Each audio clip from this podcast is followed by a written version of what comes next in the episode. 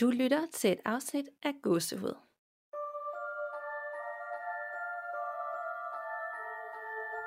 Velkommen til episode 17, og i dag der øh, har jeg ikke et specifikt emne. Vi skal nemlig lytte til nogle lytterberetninger, der er blevet sendt ind til mig gennem den seneste tid. Og vi skal høre noget larm i baggrunden, så er det Nola. Jeg optager nemlig her mandag morgen, og Nola hun er sammen med sin far ude i køkkenet. Så det kan godt være, at I vil opleve lidt larm, men det er måske meget hyggeligt. Nå, men tilbage til det, vi skulle tale om, netop lytterberetninger, som jeg har modtaget en del af her den, de seneste uger, og der har været nogle rigtig gode imellem, og det vil være lang tid siden, vi havde et rent lytteafsnit, eller vi, nu er det jo kun mig, men dengang, der, øh, der var Michelle med, og det fungerede rigtig godt, og det er også noget, I har efterspurgt øh, længe siden sidst, at der kom flere af de her lytterberetninger. Så det har jeg så valgt at tage med. Og for lige at gennemgå ugen siden sidst, så har det været en travl uge på arbejdsfronten. Og nu er det ikke, fordi det skal handle om andet end det overnaturlige, men jeg har jo et job siden af, og jeg er selvstændig, og det skal jeg også have tid til, og det har været det er min første rigtige uge tilbage siden barsel, vil jeg sige. Og så har jeg overvejet her med gåsehud, at gøre det til en, eller en ting, der udkommer hver anden uge, så vidt muligt. Og det kan godt være, at nogle af jer tænker, at det er ret øv, men det tager simpelthen så lang tid. Og Rasmus han har øh, et arbejde, der gør, at han arbejder meget hele dage og aften. Han kører ambulance. Så øhm, det er ikke altid, det er lige til at få researchet og planlagt osv. Indtil videre, så tror jeg, jeg holder ved hver tirsdag. I hvert fald ind til sæsonafslutning, men derefter så skal jeg lige finde ud af, hvad jeg gør, så ja, at jeg ikke skal sidde og stresse over det. Og hvis I har idéer til emner, som jeg skal tale om, så må I endelig sende det over. Nogle gange kan det godt være lidt svært at blive med at finde på de samme ting, og jeg kan godt have en tendens til at vælge de samme ting, som jeg synes er uhyggelige. Men det er jo ikke ens med, at det er det, I synes, der er det mest spændende. Så send det endelig over til mig, hvad inden det kunne være. Det kan være et bestemt sted, øh, en oplevelse, eller noget, noget, nogen andre har oplevet, som jeg skal tage op, og det kan også være et fænomen, eller en vandrehistorie, et eller andet. Det er sådan set lige meget. Så prøver jeg at få det med i et kommende afsnit på en eller anden måde. Jeg har generelt set været virkelig skræmt siden sidste afsnit. Det er sjældent, at mit eget podcast skræmmer mig, fordi jeg sidder og har en lidt anden tilgang til det, når jeg researcher og forholder mig lidt anderledes til det, men The Hatman skræmte mig. Jeg har virkelig tænkt over det, når jeg skulle sove, at jeg håber virkelig ikke, at jeg går i en anden søvnparalyse og ser ham. Især fordi en af de beretninger, jeg skal læse op for jer i dag, har nemlig The Hatman med. Jeg har jo kun prøvet søvnparalyse én gang, men der er jo mange mennesker, som oplever det mådenligt, eller nogen får det nærmest hver uge eller flere gange om ugen. Og derfor tænker jeg faktisk også, at det skal være et af emnerne en dag. Jeg har fire lytterberetninger med til jer i dag. Til gengæld så har jeg så heller ikke flere tilbage, for jeg bruger dem alle nu. Så det er nu, I bare skal sende dem ind, og jeg er sådan set ligeglad, om I synes, det er dumt eller ej. Send den ind til mig. Der er ikke noget, der er for småt eller stort, eller det må også godt være en sød historie med et eller andet, et familiemedlem, der har sendt jer en hilsen på en eller anden måde. Det kan også sagtens være sådan noget, det behøver ikke at være uhyggeligt. Det kan være alt. Så send det ind til gåsehudpodcast.gmail.com, og det er gåsehud med to A'er. Og hvis I ikke selv har oplevet noget, så få en ven eller et familiemedlem til det. Der er altid en eller anden i familien eller i vennekredsen, der har oplevet noget. Jeg går direkte til første lytterberetning, og den kommer her. Hej gåsehud. Jeg elsker at lytte med til podcast og har selv et par historier, som både jeg og min familie har været involveret i. Min farmor har et lille sommerhus på Sydfyn, som hun har arvet af sin far og nu deler med sin søster. Resten af familien på begge sider er så heldige, at vi på skift får lov til at låne huset en uge af sommerferien. Det er den dejligste uge i hele ferien. Men sådan har det ikke altid været for os alle sammen. Min fars kusine har ikke turbo alene i huset i mange år, efter en række episoder ramte hende en sommer, hun havde huset. Nogle stykker på min farmors søsters side har længe snakket om at udvide terrassen og lave nogle ændringer på huset. Det er nemlig et meget lille hus, der på nogle områder godt kunne trænge til en kærlig hånd. Man kunne godt få lidt fornemmelsen af at blive betragtet og overvåget, med en følelse af, at der stod nogen bag busken, når man skulle ud i skur om aftenen. En dag sad hun på terrassen og nød det stille sommervejr. Og da hun gjorde det, blev de andre stole væltet ind i rækværket med sådan en kraft, at hun fløj op af skræk. Det var omme på læsiden med huset i ryggen og et rækværk foran, så det stod klart for hende, at der var andet end bare vinden for spil. Hun blev meget bange og lovede, hvad det nu inden var, at de ikke ville pille på huset. Sidenhen har hun ikke tur været alene der og tog altid derned med sin bror og hans kone. Min farmor har også fortalt om, hvordan de efter hendes fars død flere gange har kunne høre skridt i stuen. Min farfar troede, det var min far eller hans søster, der gik rundt, men de lå og sov inde i værelset ved siden af, så der var ikke nogen. Der kunne også pludselig lugte sådan rigtig underligt et bestemt sted i huset. Det kom og gik, men pludselig en dag var det væk af sig selv. Vi har ikke mærket mere til det nede i huset, og vi er næsten overvist om, at det er vores oldefar, der har lagt sit visit. Der har været meget roligt de sidste 10 år, men frygten for, at han vender tilbage, hvis vi gør noget, han ikke bryder sig om, lurer stadigvæk i baghovedet. En anden lille anekdote gjorde, at jeg i flere år ikke turde komme i vores lokale kirke. Jeg har i 10 år spillet klaver, og vi skal helt tilbage til konfirmationstiden i 7. klasse. Jeg skulle spille på året i forbindelse med vores gudstjeneste, og havde derfor fået tilladelse af organisten til at gå op og øve mig, når jeg ville. En dag havde jeg sat mig op for at øve, kiggede jeg i Bibelen igennem efter salmer. Jeg slog tilfældigt op på en salme, hvor første linje var, Jesus er i blandt os. Jeg tænkte ikke nærmere over det, men holdt en lille pause af at øve og gik ned i kirken. I væggen har vi en Jesusfigur stående, hvor hånden har været knækket og foden er revnet. Hvor den kommer fra, aner jeg ikke, men jeg lå min finger glide over skaderne. I samme øjeblik, hvor kliché det lider, så bragede yderdøren til kirkens våbenhus op. Jeg for sammen og gik ud for at se, om der var nogen, eller hvad der havde forårsaget det. Der var ingen på kirkegården, og der var, det var en helt vindstille dag i marts, og det er altså ikke en lille tynd dør, men en god, solid kirkedør, som oven i købet trænger til lidt olie. Jeg skyndte mig ind efter mine ting og kunne ikke komme hjem hurtigt nok. Nogle uger efter måtte jeg op igen for at øve. Jeg var ret nervøs, og mine ører var spidse og opmærksom på alle lyde i kirken. Som minutterne gik, blev jeg mere rolig og gav mig til at lede efter nye salmer. Første salme, jeg slog op på, er samme som sidst. Jesus er iblandt os. Der går 5 sekunder fra at have læst ordene højt til kirkedøren går op.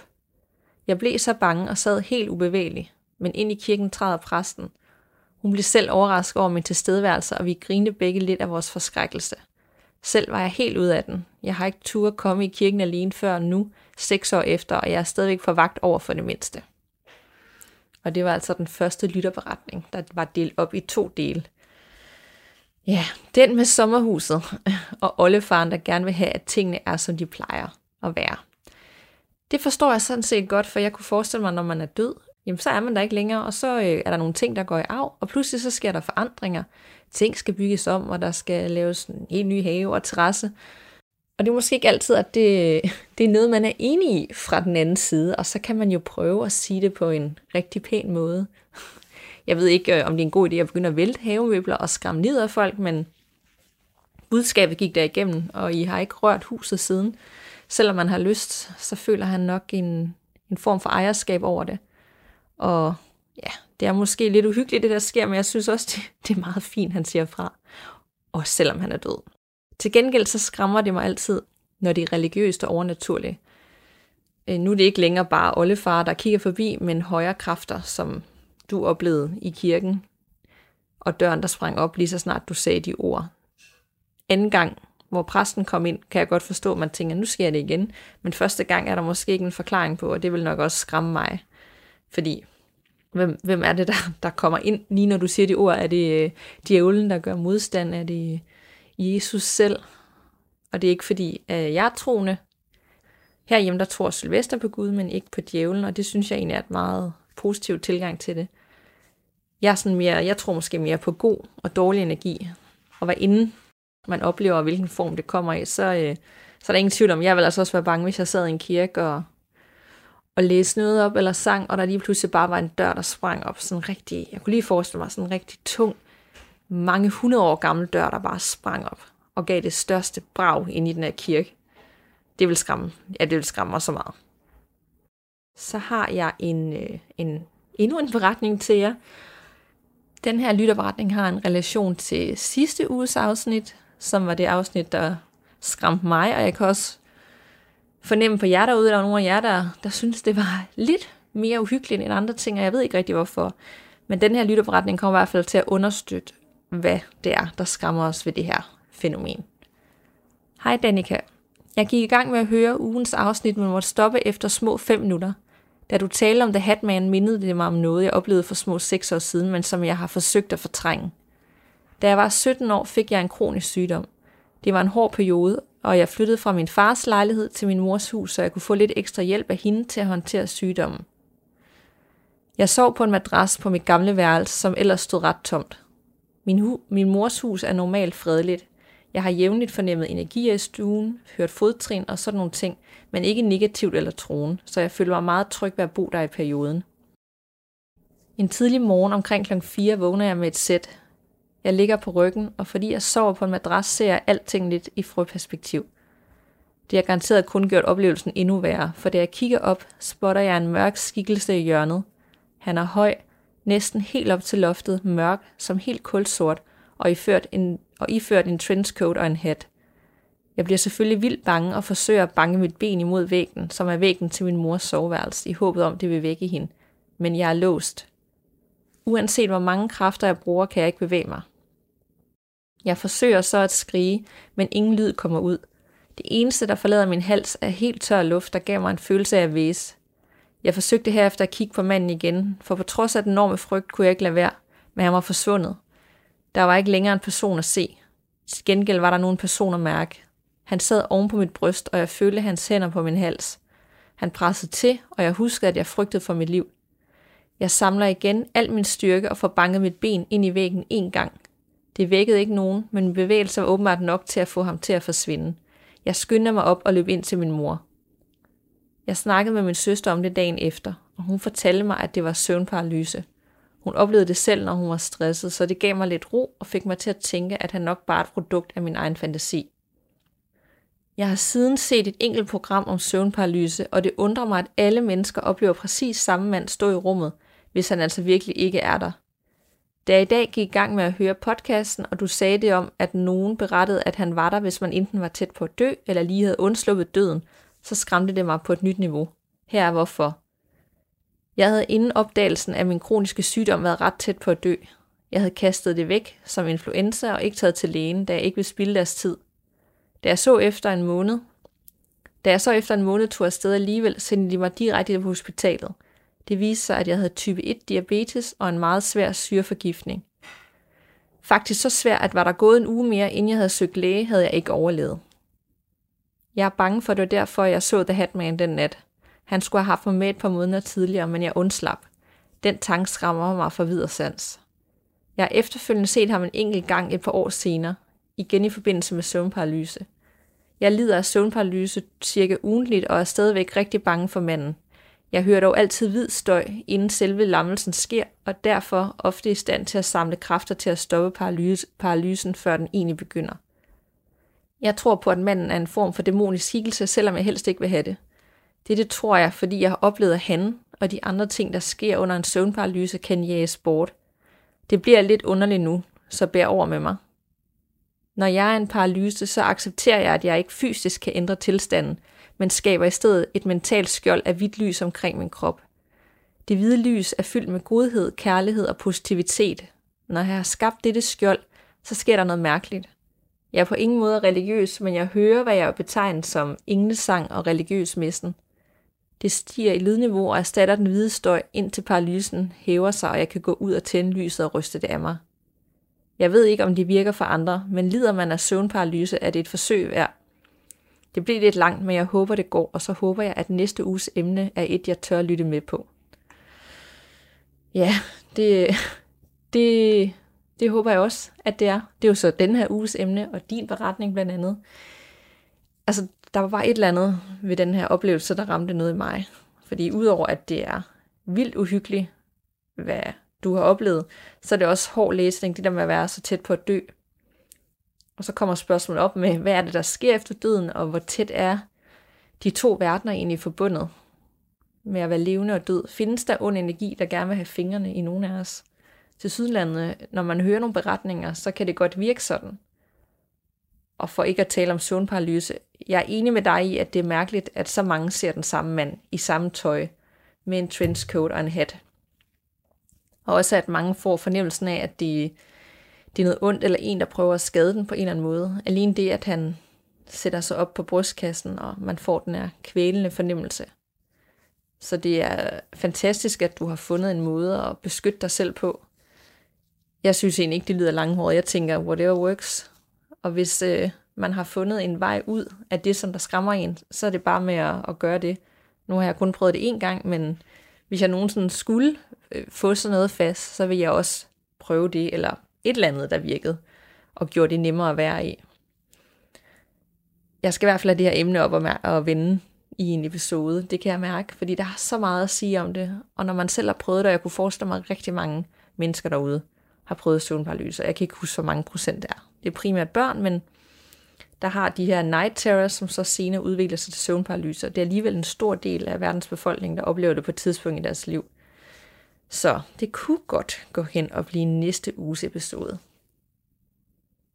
Så har jeg en tredje beretning til jer, og den finder jeg lige herinde. Den er virkelig også god. Så den kommer her. Kære gåsehud, jeg vil gerne optræde anonymt, da jeg ikke er interesseret i, at en masse fremmede skal mene en masse om mig. Jeg har fortalt historien til flere af mine venner og bekendte, men det er ikke noget, jeg deler med Gud og hver mand, da jeg tror, der er mange mennesker, der ikke vil tro på, hvad jeg fortæller dem. Som jeg tidligere skrev, så er jeg stor fan af podcasten. Jeg har altid syntes, at de ting, I taler om, er utrolig interessante. Jeg har altid betragtet mig selv som skeptisk troende. Jeg har haft et par oplevelser, som jeg ikke kunne forklare på andre måder, end at min hjerne spillede mig et pus, eller at der virkelig var spøgelser til. Det er ikke noget, jeg har tænkt videre over, andet end det var besynderligt. Sådan var det i hvert fald, indtil jeg fik den oplevelse, som jeg gerne vil fortælle jer om. Derefter har jeg været sikker på, at der er mere her i verden, end hvad vi kan se.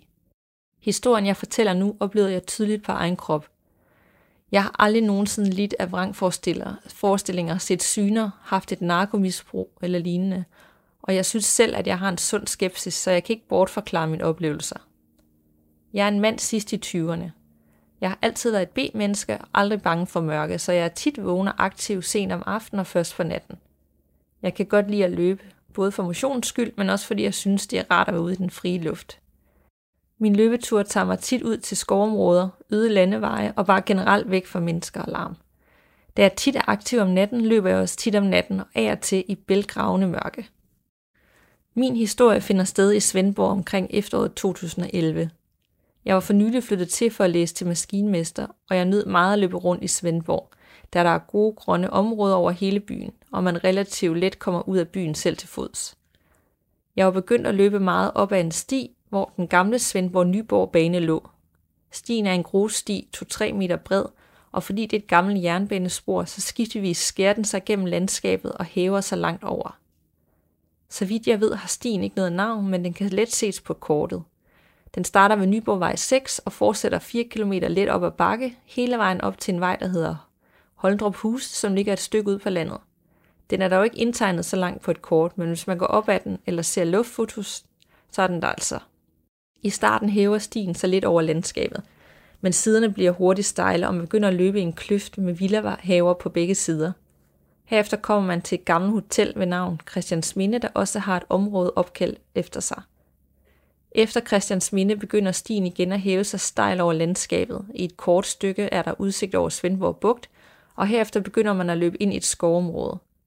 Hvis man krydser en stor vej, kaldet Hestehavevej, kommer man ind i en gammel plantage ved navn Hallingsskov, der nu er et parkområde. Her har jeg tit løbet i mørket og lyttet til nattens lyde. Den pågældende aften var jeg taget ud at løbe lidt over 9 om aftenen. Jeg var løbet op ad en lang og stejl bakke ved navn Nyborgvej, hvor stien også har sin start ved foden af bakken. Jeg var nu på vej ned ad bakken og hjem. Af omveje løber jeg ind på stien ovenfra. Hestehavevej. Jeg løber altså ned ad den nu, hvor jeg normalt løber opad. Da jeg løber ind på stien, er jeg ved at løbe hjem af, og jeg lader egentlig bare mine ben løbe, som de nu engang vil. Jeg løber og nyder aften i takt med, at jeg mærker min puls falde stille og roligt. Der er ingen mennesker at se, men det er ikke underligt, når man tænker på, at klokken er lidt i 10 på en hverdag. Stien har ikke noget kunstigt lys, men fordi der er veje og bebyggelse forholdsvis tæt på, er den ikke mørkt, når man kommer et stykke ned ad den. Da jeg har løbet et stykke ned ad stien, dukker udsigten over Svendborg Fjord op og Christians Minde Hotel kort efter. Lige bag ved hotellet går der en lille, meget anonym betonbro over stien, hvor biler og fodgængere kan krydse fra Christiansmindevej ind på Bellevuevej og ind i et villekvarter. Mens jeg løber ind under broen, som jeg har gjort så mange gange før, tænker jeg ikke rigtig på andet, end jeg skal, hvad jeg skal have at spise, når jeg kommer hjem. Da jeg løber under broen, bliver mine tanker dog hurtigt henledt på noget andet. Barnelatter høres tidligt over mig. Jeg tænker, at der står nogle børn på broen, og de vil muligvis smide noget ned på mig for at lave narestreger. Jeg holder mig i venstre siden af tunnelen og kigger op, mens jeg løber ud. Jeg gør mig klar til at løbe op ad en lille trappe, der er ved siden af og fange den, hvis de skulle kaste noget. Da jeg kommer ud, er der dog intet at se. Jeg slår det hen, men efter at have løbet 10 meter vender jeg mig om, mens jeg løber for at kigge en gang til. Præcis i det, jeg vender mig om, hører jeg igen en tydelig barnlatter lige til min venstre, og klodset barneskridt i gruset. Jeg bliver forskrækket og vender mig straks mod lyden, men der er intet. Der er ingen børn, intet støv, ingen fodspor, og intet som helst, der hverken kunne have grint, lavet lyde eller trampet i gruset. Jeg står og kigger målløst, men beslutter mig for hurtigt bare at ignorere det og løbe hjem. Jeg når dog ikke at tage 10 skridt, før jeg bliver omgivet af lejende børnelatter, små korte skridt i gruset, og indimellem et glædeshyl, som børn laver, når de leger. Der er ingen børn, og på daværende tidspunkt er stien omgivet af høje skrænter, hvor der er små buske og træflis. På toppen af skrænterne er der på den ene side en vej, og den anden side villahaver, men begge sider har 15 meter i fugleflugt, og jeg hører altså barnelatteren og skridtene i gruset for både højre og venstre, foran og bag, som om flere små børn løber lejende cirkler rundt om mig. Der vælger jeg at tage benene på nakken og løbe så hurtigt jeg kan. Jeg spurter alt, hvad min ben kan ned ad stien. På min venstre og højre hånd følger usynlige børn lige så let med at grine og fortsat ufortrødent. Efter et par hundrede meter i fuld spurt bevæger jeg mig ud i kløften sammen med min usynlige ledsager, mens der på min venstre side dukker industribygninger op, og på bakken på min højre nu kun er et par meter over stien. Her begynder lyden at bevæge sig væk ind imod industribygningerne. Jeg følger stien, og lyden af legnebørn forsvinder ud over en parkeringsplads. Pladsen er omgivet af en høj mur, fyldt med høje biler, men lyden af en masse små fødder på asfalten bevæger sig hurtigt tværs over pladsen og dør sig ud, i takt med latteren også forsvinder.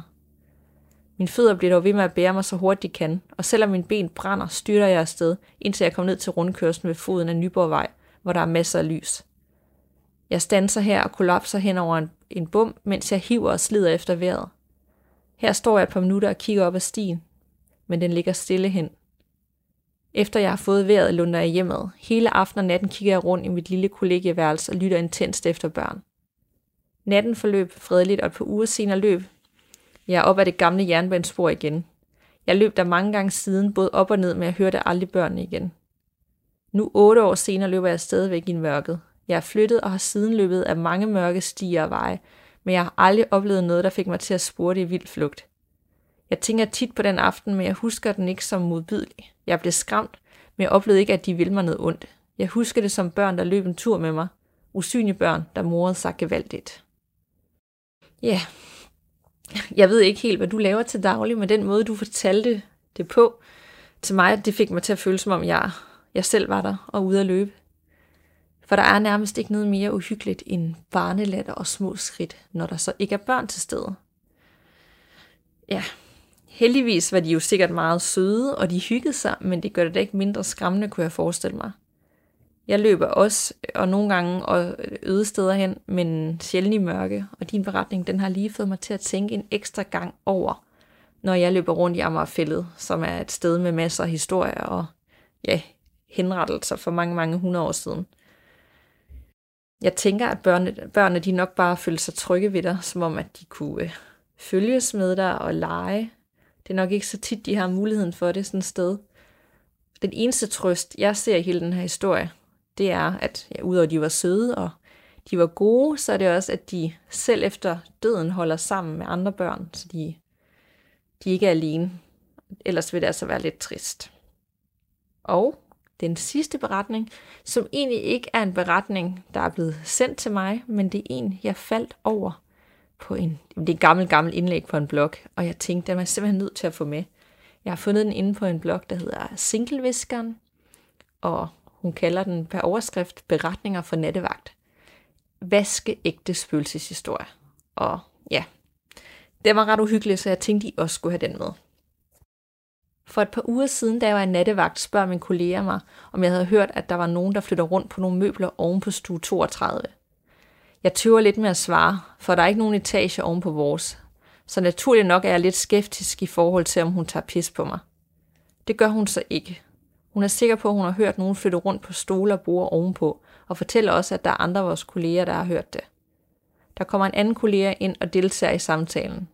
Hun er 100% non-believer i forhold til spøgelser, for hende og jeg har allerede haft en snak et par uger for inden, hvor jeg og en helt tredje kollega sidder og udveksler spøgelseshistorier fra vores forskellige arbejdspladser på forskellige hospitaler.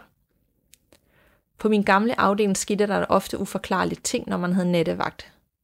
Dog var det ikke alle, der oplevede det, så jeg ved ikke, om man på en eller anden måde skal være modtagelig for at opleve det.